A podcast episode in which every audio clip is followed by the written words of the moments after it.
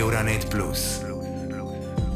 Vodilna radijska mreža za evropske novice. Slovenci smo znani po svoji naklonjenosti do narave, saj radi preživljamo čas v gozdovih, v hribih in v drugih naravnih okoljih. Na podeželju se še vedno ohranja stik z naravo, kar omogoča ljudem boljše poznavanje osnovnih vrst organizmov, vključno s pticami. Ampak strokovnjaki opažajo razliko med generacijami in tudi med mestom in podeželjem. Varstvo okolja in ohranjanje narave sta postala ena ključnih globalnih prioritet v zadnjih letih. Za dosego trajnostnega razvoja in varovanja dragocenih naravnih virov je nujno, da se zavemo pomena vzgoja mladih za spoštljiv odnos. O tem pomembnem vprašanju smo se pogovarjali z ornitologom Tilenom Basletom iz Društva za opazovanje in proučevanje ptic Slovenije, ki ima bogate izkušnje z delom z različnimi starostnimi skupinami. Ja, jaz bi bistvu mogoče v prvi vrsti rekel, da smo Slovenci zelo radi v naravi, eh, torej radi čas preživljamo, eh, predvsem v gozdovih, hribih. In v bistvu tudi kar precej dobro poznamo, moram reči. No, predvsem kakšne osnovne stvari, osnovne vrste organizmov, uh, bi rekel, da marsikdo uh, prepozna.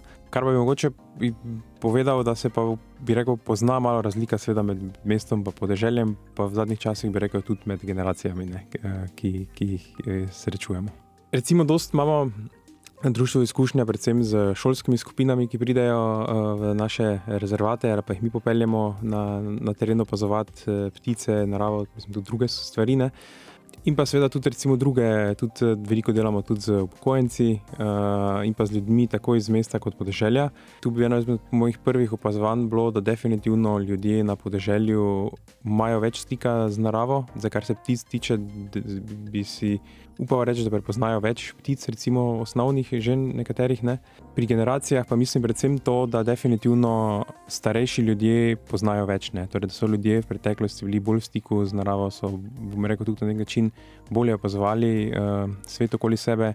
Kot, uh, kot danes. Ne. Danes, recimo pri kakšnih mlajših uh, šolskih skupinah, bom rekel, je že stanje precej zaskrbljujoče. No, torej, recimo, ne, ne znajo otroci našteti niti recimo, pet vrst eh, ptic ali pa deset. Recimo, tudi koliko pažamo, tudi pri drugih skupinah bi rekel, da ni kaj boljeno. S tem se strinja tudi Meta Pivec, strokovna sodelavka botaničnega vrta Univerze v Mariboru, kjer se že vrsto let srečujejo z obiskovalci, tudi z mladimi, ki izražajo veliko zanimanje za naravo. Srečujemo se z obiskovalci bomo rekla, individualnimi obiskovalci naročenimi vodenimi skupinami. In, eh, po mojem mnenju, vsi ti obiskovalci, ki pridejo že eh, do vrat botaničnega vrta, imajo vsaj nek eh, osnoven individualen interes do te teme. Ne? Tako da smo prvi korak že naredili. Zdi se mi, da je v zadnjem času, ali pa v zadnjih 15 letih, da se nam pridružuje vedno več mlajših družin, tudi generacije mladih, ki niso odraščale recimo, na podeželju, pa tudi njihovi starši, mogoče niso direktno recimo, imeli tega stika z naravo več. Ne. Zdaj se pa se mi zdi, da se spet ponovno vrača to nazaj v modo, da je vedno bolj moderno, da si kaj sam pridelaš, če ne drugega, vsaj kakšne čilije na balkonu. Tako da se mi zdi, da rastline prihajajo nazaj v modo. Po mnenju Basleta je za upad poznavanja narave odgovornih več dejavnikov. Velik vpliv ima formalni izobraževalni program, kjer je ekologija in poznavanje narave premalo izpostavljeno, glede na aktualno podnebno in biodiverzitetno krizo. Kar se tiče formalnega šolskega programa, torej recimo predmeta naravoslovja ali pa biologije, bi rekel, da bi danes mogli marsikaj spremeniti ne, uh, v njem predvsem vsebine, katere se otroci učijo, ki po mojem mnenju niso več primerne za današnji čas. E, mislim, da glede na to, da se soočamo s podnebno krizo, s biodiversitetno krizo, mislim, da so to vsebine, katerih otroci danes seveda slišijo jih te izraze, ampak prav globokega pomena, kaj sploh je to in kakšen vpliv ima to seveda na nas ljudi, tega znanja nažalost mladi in v bistvu nasplošno ljudje nimajo. Ne. Se mi zdi, da bi v učnem programu moralo biti to daleč najbolj izpostavljeno. Torej, danes je, bomo rekli, ekologija, ne, ki je v bistvu, bomo rekli, uh, osnova za, za poznavanje teh vsebin, zelo zapostavljena. Mm. Torej, tudi po rekel, času, ko se jo otroci učijo v šoli, kot tudi po sami dolžini, količini eh, tega. Ne. In seveda, če je šola tista, ki nas mora pripraviti na, na življenje vsakdnevno, vsaj osnovna in pa srednja, ne načeloma ekologija je definitivno vsebina, ki bi jo morali poznati eh, vsi. Ne? Seveda vsi živimo v istem okolju, na istem planetu in uh, poznavanje nekih osnovnih procesov, vplivov, se mi zdi, da je res dan danes že neka osnova. Ne? Predvsem, ko recimo se mi zdi, kakšne vsebine pa so res popolnoma nepotrebne, ne? predvsem v osnovni in srednji šoli, oziroma vse tako podrobno, kot jih danes obravnavamo. Ne? Recimo primer.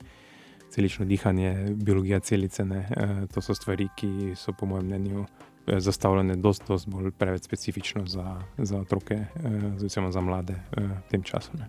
Poudarja pa tudi pomen tega, da so otroci enostavno premalo fizično v stiku z naravo, saj veliko časa preživijo pred zasloni.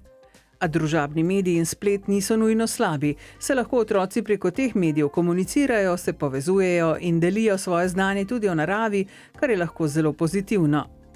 V botaničnem vrtu Maribor imajo veliko programov za otroke od vrca naprej, razlaga Meta Pivec. K nam so dobrodošli že otroci iz vrca. Za njih imamo programe, ki so prilagojeni za majhne otroke. To so spoznavanje narave v obliki sprehoda po botaničnem vrtu, potem take učne delavnice, kjer otroci potem nekaj izdelajo, posadijo, pripravijo. In uh, te vsebine se potem uh, nadgradijo z malo bolj rekla, zahtevnimi, uh, glede na starost otrok. Tako da uh, v tej drugi, pa tretji triadi osnovne šole uh, priporočamo recimo ogled botaničnega vrta v obliki naravoslovnega dneva. Kjer spet šole lahko izbirajo med različnimi temami. Ne? Ena je, daleč od vsega najbolj obiskana, je trajnostna pridelava hrane tem naravoslovnem dnevu se seznanimo v bistvu s tem, je hrana je v bistvu nekaj, kar vsi rabimo. In uh, pridelava hrane je, uh, v, bom rekla, ta klasičen način pridelave hrane zelo negativno vpliva na okolje. Ne? Mineralna gnojila, potem monokulture in tako naprej. In pogovarjamo se o tem, kaj mi lahko naredimo, da bi, bila, da bi bil ta vpliv čim manjši, kako lahko rastline gojimo in uh, kako lahko uporabljamo več različnih rastlin, ne samo tisto eno, ki jo gojimo na kmetijskih površinah. Tako da ta vsebina je res. Uh, Rekla, je res zanimiva in je zelo dobro obiskana, sicer pa tudi vse te druge vsebine, kot so gost, travnik, to so področja z veliko rastlinsko in živalsko raznovrstnostjo. Pa potem teme so tudi botanika, pa genetika, eh, potem zdravilne rastline in njihova uporaba. In uh, zato, ker je del botaničnega vrta tudi arheološki park, se pogovarjamo tudi o paleo rastlinah. To so pa v bistvu rastline, ki so jih ljudje v preteklosti gojili, recimo za hrano in za uporabo. V botaničnem vrtu Maribor pa imajo tudi veliko gensko banko, številnih samoniklih, pa tudi redkih tujerodnih rastlinskih vrst. Zbirajo in hranijo pa tudi naše avtohtone sorte nekaterih vrst sadnega drevja, od jablan, sliv, breskov in hrušk, pa tudi stare in redke kultivarje polščin, torej različne vrste ječmenov, žit, rži. Tudi društvo Dobs ima ključno vlogo pri ozaveščanju in izobraževanju mladih ter širše javnosti o pomembnosti poznavanja narave. Dve stvari, ki jih imamo zelo pomembni na društvu, ki jih izvajamo. Ena je res tisto tarčno delo z mladimi, predvsem z rekel, osnovnošolci, srednješolci. Tukaj gre ponavadi predvsem za uh, tista glavna aktivnost, no, ki jo vsako leto izvajamo, so mladinski ornitološki raziskovalni tabor. Tega izvajamo enkrat ali pa včasih dvakrat na leto. To je v bistvu teden dni učenja ob zabavi v bistvu za otroke. Torej, v tem času vse otroci v bistvu poznavajo ptice, eh, skupaj z rekel, starejšimi eh, mentori, ki so študenti ali pa še starejši, ne, ponovadi vedno na nekem drugem območju, tako da v bistvu vsakeč odkrivamo nek nov košček Slovenije, seveda pa se potrudimo. Seveda otrokom predstaviti ptice, pa seveda tudi druge organizme, predvsem pa jim nekako spodbuditi ta, bomo rekel, naravovarstveni duh, ne? torej, da je potrebno seveda naravo varovati in razložiti sisteme in procese, ki delujejo v zadju, in seveda zakaj so ptice ravno tisto orodje, ki je zelo uh, pomembno ne? tukaj v tem aspektu. Ne? Potem imamo še nekaj izletov, ki so čez leto, ki so ciljeni prav na mlade. Ne? Potem pa imamo še en tak, v bistvu, en program te splošne nek način v bistvu članskih aktivnosti, ki pa jih vodijo v večini primerov naše sekcije eh, na društvu, torej društvo deluje na regionalne, razdeljeno na regionalne sekcije. Tam pa imamo program tako predavanj, kot pa izletov, ki jih organiziramo vsako leto, to je približno tam enih 20-30 eh, predavanj in izletov na leto, ki so pa namenjeni bolj širši javnosti, našim članom, drugim, ki jih pač zanima ta naravarstvena tematika. Tam pa imamo potem vse od čisto takšnih, bom rekel, osnovnih izletov, kjer se spoznava ptice, recimo na določenem območju. Ne? Do kakih malo bolj specifičnih, torej prav tečajev prepoznavanja petja ptic, poznavanja ptic recimo na krmilnici po zimi, podobnih stvari. Ne? In te stvari, predvsem tečaje recimo ptičjega petja, no smo ugotovili, to je Eh, zelo ljubena tematika. Torej, je tudi ena takih stvari, morda, ki se jo res težko naučiti, ena najtežjih stvari, verjetno sploh pri uh, ornitologiji. Tako da tudi zato, verjetno, uh, ena takšnih, ki, ki večje zanimanje požanje. Poudariti pa je pomembno, da je za ohranjanje narave ključno ne le natančno poznavanje organizmov, temveč tudi razumevanje. Kot pa poudarja Tilen Basle, je nujno predvsem Ne, jaz mislim, da ne, ne. Čeprav tukaj bi rekel, da je bolj, bolj pomembno kot neko detaljno poznavanje narave. Ne. Mislim, da je bolj ustrezni izraz bi tukaj bil, uh, da moramo ljubiti naravo, ne. oziroma seveda jo tudi poznati do določene mere, ne. predvsem pa uh, razumeti, zakaj jo varovati uh, in jo imeti uh, radi. Ne. Brez tega seveda ne bo šlo. Ne.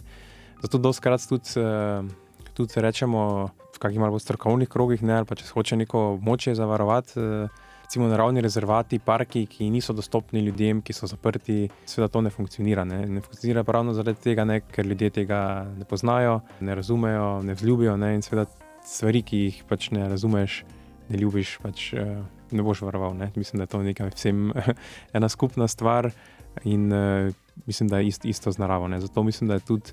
Napor v zadnjih rekel, letih, desetletjih, odkar predvsem imamo splet, socialne medije, gre pri veliko primerih, ne samo na Dobsu, tudi drugih organizacijah, ki se delujejo, ne gre predvsem v veliki meri tudi ravno na, na, na ta nivo, ne, torej, da se pokaže neke vrednote narave, lepote narave, eh, ker je potem seveda to eh, veliko lažje naravo potem varovati. Ne. Tudi Evropska unija poudarja pomen poznavanja in ohranjanja narave, saj ima več inicijativ in programov za ohranjanje narave, ki so usmerjeni v zaščito biotske raznovrstnosti, pa habitatov, tudi rastlinskih in živalskih vrst, ter za ohranjanje naravnih ekosistemov.